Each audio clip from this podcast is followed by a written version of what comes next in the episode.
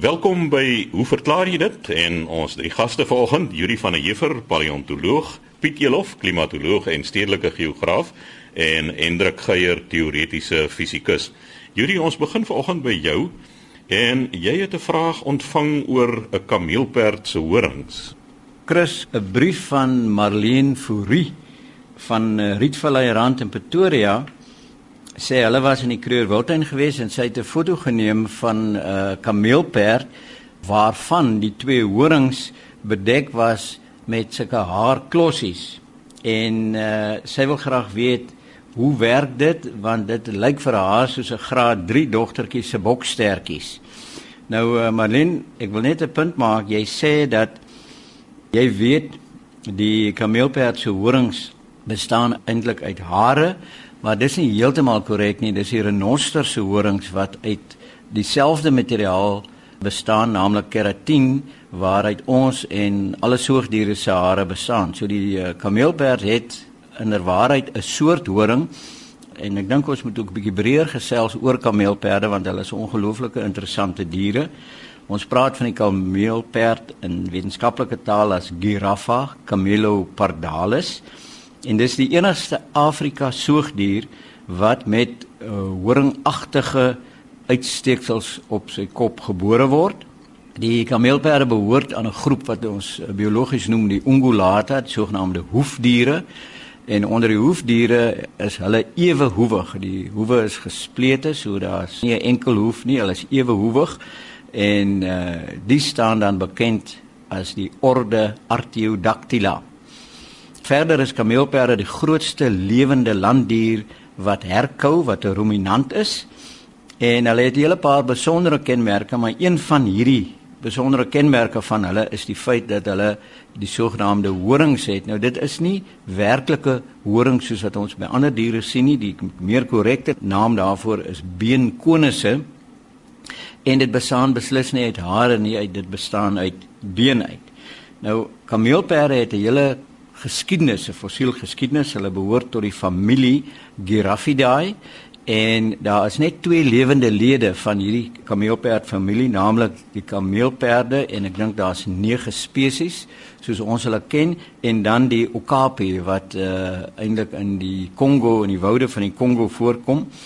En die okapi kan mense sien as 'n kortnek kameelperd want daar is 'n hele reeks fossiele wat vir ons wys hoe die kameelperde met hulle lang nekke soos ons hulle vandag ken eintlik evolusionêr ontwikkel het uit voorvaders wat kort nekke gehad het. Daar's ander voorvaders ook wat ons nou kan verwys as 'n mens nou hier by ons na die Weskus Fossielpark toe gaan waar hulle 'n geweldige hoeveelheid soogdiere en ook ander dierfossiele gekry het. Daar sien 'n mens oorblyfsels van 'n gedierte, 'n voorvader van die kameelperdagtiges by name Sivatherium wat nog groter as kameelperde gewees het want uh, kameelperde vandag weeg gemiddeld aan die orde van 1600 kg en hulle kan tot 5 tot 6 meter hoog staan. Nou die Sivatheria of die Sivatherium was selfs groter as dit gewees en die naam kom van 'n Hindu god Shiva want van hierdie fossiele is eerste in Indië gekry en later by ons so die Hindu god is vernoem en Therium verwys na warmbloedigheid na 'n soogdier so Sevatherium is hierdie ou fossiel soogdier wat ook hierdie soort horings gehad het. Nou as 'n mens kyk na moderne kameelperde dan sien jy dat die horings ek noem dit maar horings of liewer miskien meer korrek beenkonusse verskil by die bil en 'n koei.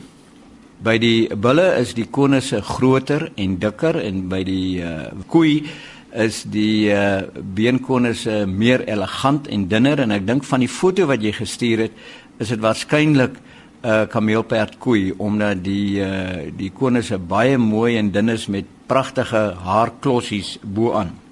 Nou hoekom ons praat van beenkonusse is vanweë die ontwikkeling van hierdie horingagtige uitsteeksels. By diere soos beeste is dit been wat uitgroei uit die skedel uit en dan 'n keratienskede rondom kry. So mense het so 'n kern of 'n horingput met die skede buiteom wat ons altyd verwys na as die horing. By die kameelperde is dit 'n uh, kraakbenige bult wat ontstaan op die skedel. Die klein kameelperdjie word daarmee gebore en later verbeen hierdie benige uitsteeksel en daar is geen skede daaromheen nie en dit is oortrek aanvanklik oortrek met vel en hare. En gedurende die leeftyd van 'n bul kan dit selfs groter en langer word en vanweer die feit dat die bulle aktief is en beklei met mekaar of onder onsies het, miskien oor koeie of oor uh, gebied word die vel rondom die beenkonus afgeskuur en die punte daarvan is dan gewoonlik kaal by die bulle maar by die koeie bly die hare en die die langer hare langer daaraan vas. So mens kry hierdie klossies hare by die kameelperd koeie. En dit lyk dan ook heelwat meer elegant. En verder moet mense dan ook net sê dat daar by die Europese herte wat natuurlik nou nie dieselfde as ons wildsbokke is nie daar ook sulke horingagtige uitgroeisels kom maar dit is nie beenkonusse of horings nie, dit word staan bekend as 'n gewy en dis 'n seisonale verskynsel wat gedurende die paar seisoen uitgroei en dan bedek is met baie sagte vel en hare amper soos fluweel en dan as die gewy nou uitgegroei is dan word daar deur middel van die gewy teen bome te skuur disintegreer die fluweel dan en dan word die gewye ontbloot en dit word dan gebruik as 'n teken van uh, dominansie. So ons moet onderskei tussen hierdie drie verskynsels van 'n gewy beenkonusse en egte horings soos uh, wat ons dit by beeste sien. En dan laasens wil ek net noem dat uh, van hierdie inligting het ek gekry by Dr James Brink. Hy is die uh, fossiel soogdierkundige by die Nasionale Museum in Bloemfontein en 'n man wat onderlê is in al hierdie uh, verskynsels. Verder kan 'n mens afsluit deur te sê dat wetenskaplikes weet nie regtig wat die nut van die beenkonusse by kameelperde is nie. Dit word gebruik om met te baklei. Dit is ook moontlik dat dit soos dit vergroot gewig aan die skedel toevoeg wat dit dan 'n beter wapen maak en daar selfs sommige mense wat dink dat dit verhoog die kameelperd se vermoë om deur middel van straling ontslae te raak van hitte.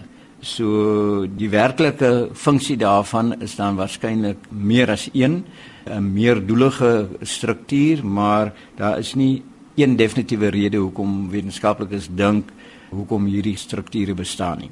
Hierdie interessantheidshalwe, ek het al gesien in die Kreur Wildtuin hoe twee kameelperd bulle aan die beklei raak. Hulle het 'n manier om mekaar met die nekke so te slaan En ek het eendag op 'n TV-program gesien hoe een van die bulle die ander een uitgeslaan het met die kop. So ek kan nogal dink dat daardie horing 'n redelike hou kan toedien as hulle aan die beklei raak.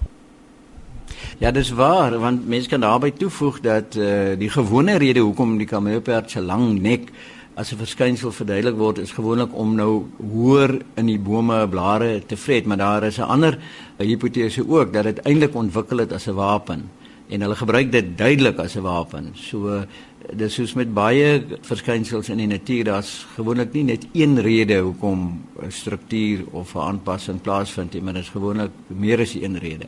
So sê Yuri van der Heever, ons paleontoloog. Piet Elof, jy het 'n vraag ontvang oor 'n kring om die son en twee ronde kolle weerskante van die son wat iemand waargeneem het.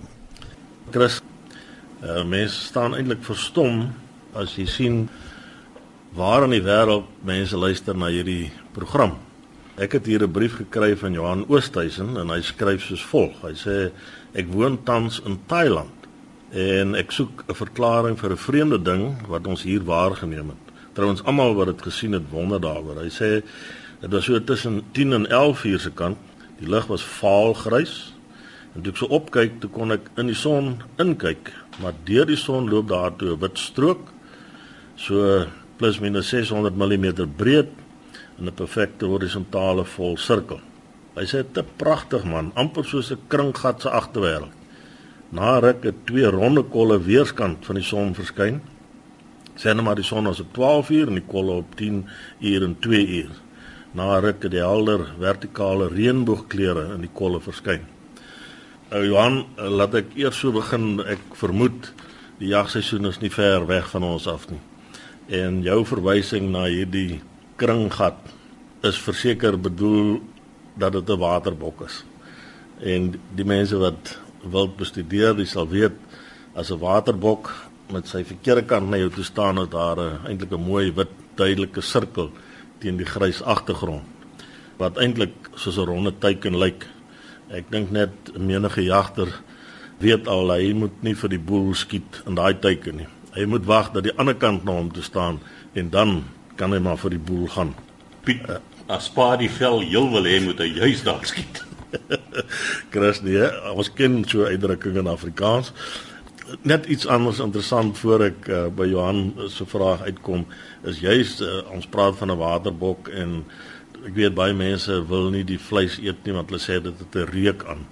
Nou by geleentheid het uh, een van my jagmaats so 'n waterbok geskiet en uh, twee van ons het besluit maar ons gaan daardie vleis benut. Hy self wou dit nie benut nie, hy het dit as 'n trofee geskiet.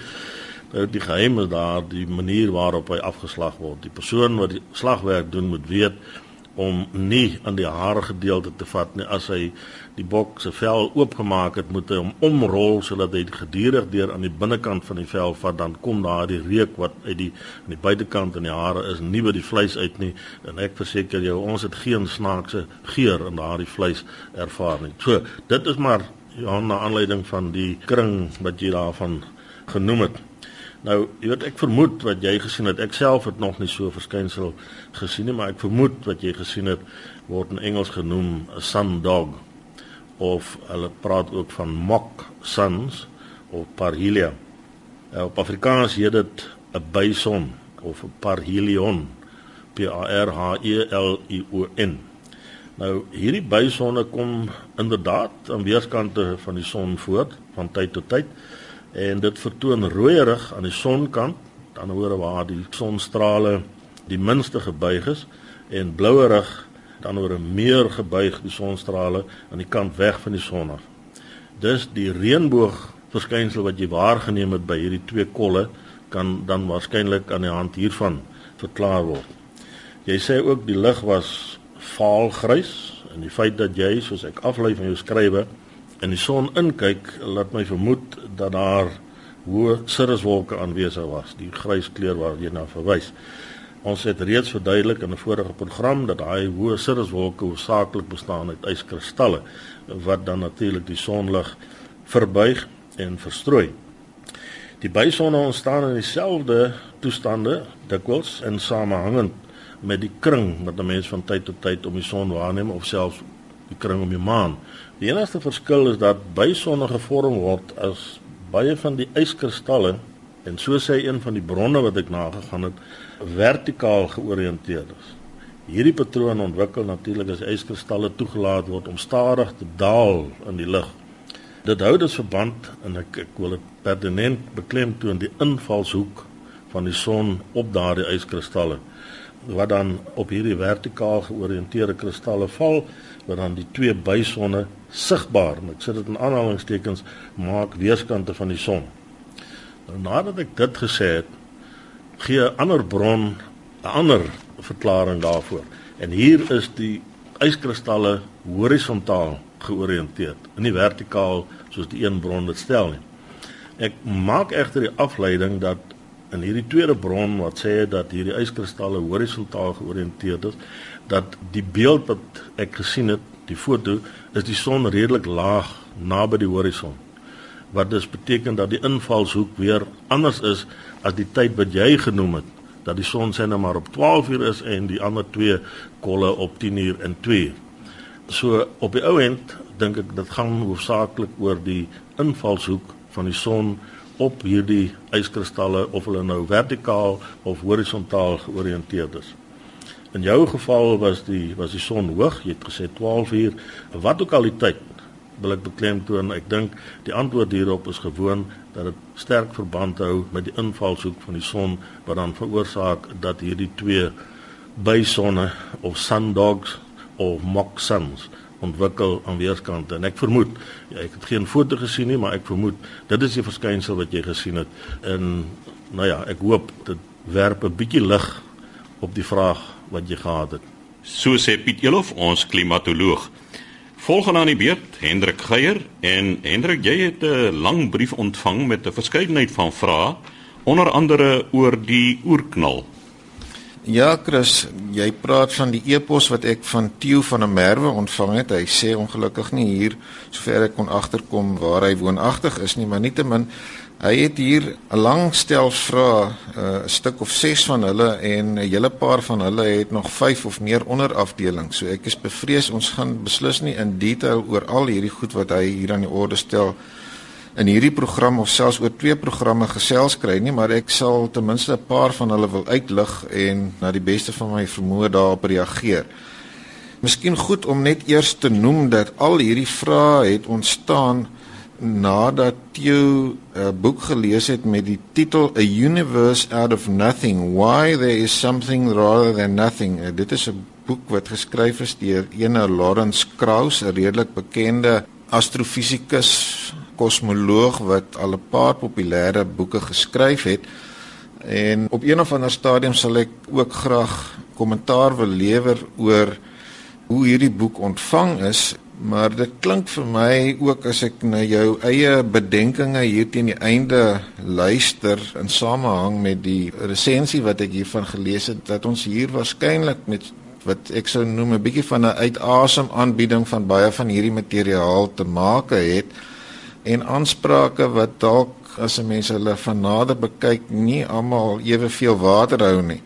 Maar ek sou luisteraars baie graag wil verwys na 'n boek wat na my mening ten minste op op 'n meer besadigde wyse hierdie hele onderwerp aanpak. Dit is 'n boek geskryf deur Heinz Pagels met die titel Perfect Symmetry. Nou dis 'n boek wat al in 1985 die eerste keer gepubliseer is en na die beste van my wete is dit ongelukkig nie meer in druk nie, maar deesdae is dit relatief maklik om op die internet die beskikbaarheid van gebruikte kopieë en in sommige gevalle selfs nuwe kopieë van sulke boeke op te spoor en as iemand werklik belangstel om oor die onderwerpe wat ons nou gaan bespreek verder te lees, sou ek dink is die moeite werd om 'n bietjie tyd te spandeer om 'n kopie van hierdie boek van Heinz Pagels op te spoor. Net weer die titel Perfect Symmetry. Nou, kom ons begin by die heel eerste vraag wat Theo hier vra. Hy sê hier op bladsy 96 van hierdie boek en lyk my baie van die vrae kom min of meer uit daardie gedeelte van die boek word daar beweer dat ruimte vinniger as die spoed van lig kan beweeg. En daar word beweer dat die uitbreiding in 1 sekonde omtrent 10 tot die mag 28 was. Nou vra hy hier wat word onder 1 sekonde verstaan? Die antwoord daarop is presies dit wat ons op die oomblik onder 'n sekonde verstaan. Dit word deesdae baie spesifiek in terme van aantal oscillasie siklusse van byvoorbeeld die cesium atoom beskrywe, maar dit is presies die sekonde wat ons op die oomblik gebruik.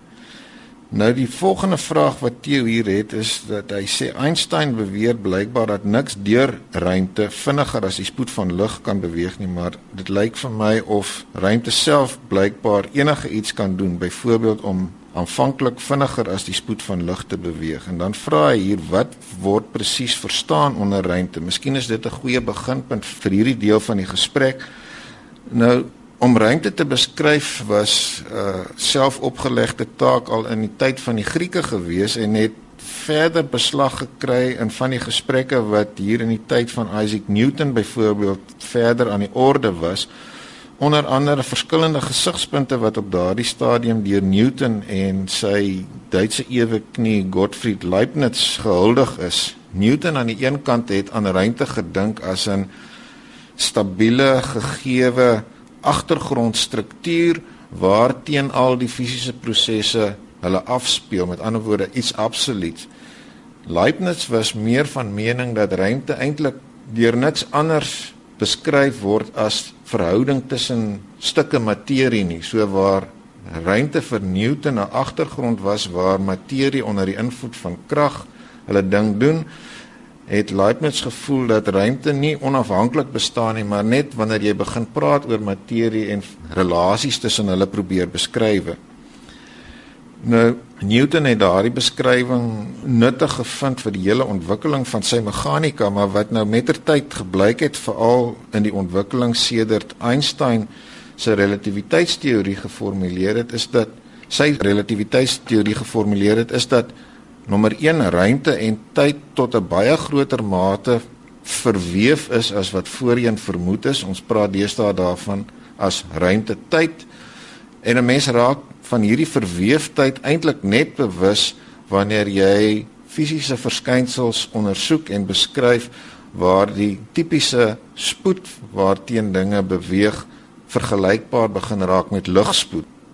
Wat verder belangrik is is dat toe Einstein sy algemene relativiteitsteorie geformuleer het, dit baie duidelik geword het dat die begrip ruimte heeltemal 'n ander status begin kry, naamlik as iets wat in 'n sekere sin sy eie fisiese lewe het. Dis nou ruimte in die sin van ruimtetyd.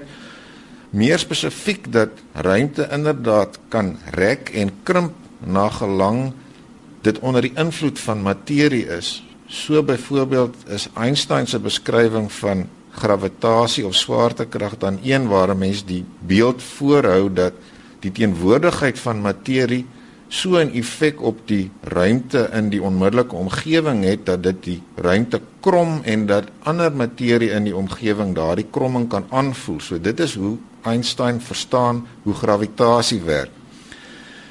'n Verdere aspek hiervan is dat hierdie ruimtetyd sy eie dinamika het, soveel so dat 'n mens kan praat van rimpelings in ruimtetyd en daardie rimpelings is wat deesdae gepoog word om waargeneem te word as sogenaamde gravitasiegolwe.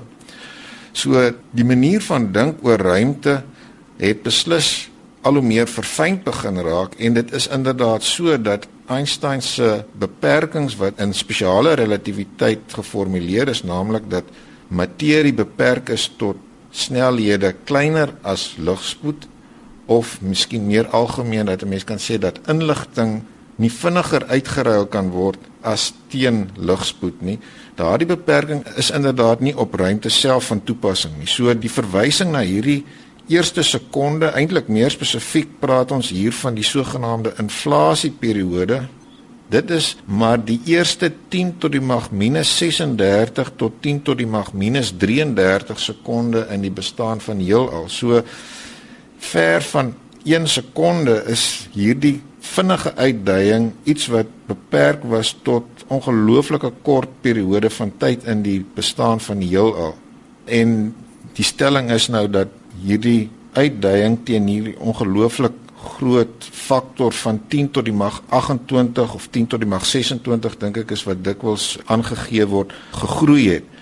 Nou uiteraard is dit nie dinge wat ons nou weer kan teruggaan en meet nie. Die enigste manier waarop 'n mens kan begin vatplek kry aan die geloofwaardigheid van hierdie soort analise is natuurlik om die implikasies daarvan op te volg en eintlik was dit om 'n oorkoepelende verklaring vir 'n klomp verskynsels te gee wat op daardie tyd in die kosmologie problematies was dat iemand met die naam van Alan Guth hier in 1980 met die gedagte van inflasie na vore gekom het.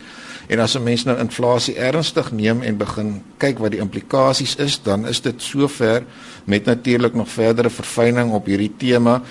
Waarskynlik die enigste redelike verklaring wat 'n klomp verskynsels soos ons hulle op die oomblik in die heelal waarneem, kan verklaar en saamvat in een koherente beskrywing. So kom ek verwys ten minste na een aspek, naamlik dat as 'n mens in verskillende rigtings in die ruimte kyk, dan kom jy agter dat die heelal ongelooflik homogeen en isotroop is. Dit beteken in enige rigting waarin jy kyk, sien jy min of meer dieselfde patroon as jy op groot genoeg skale kyk.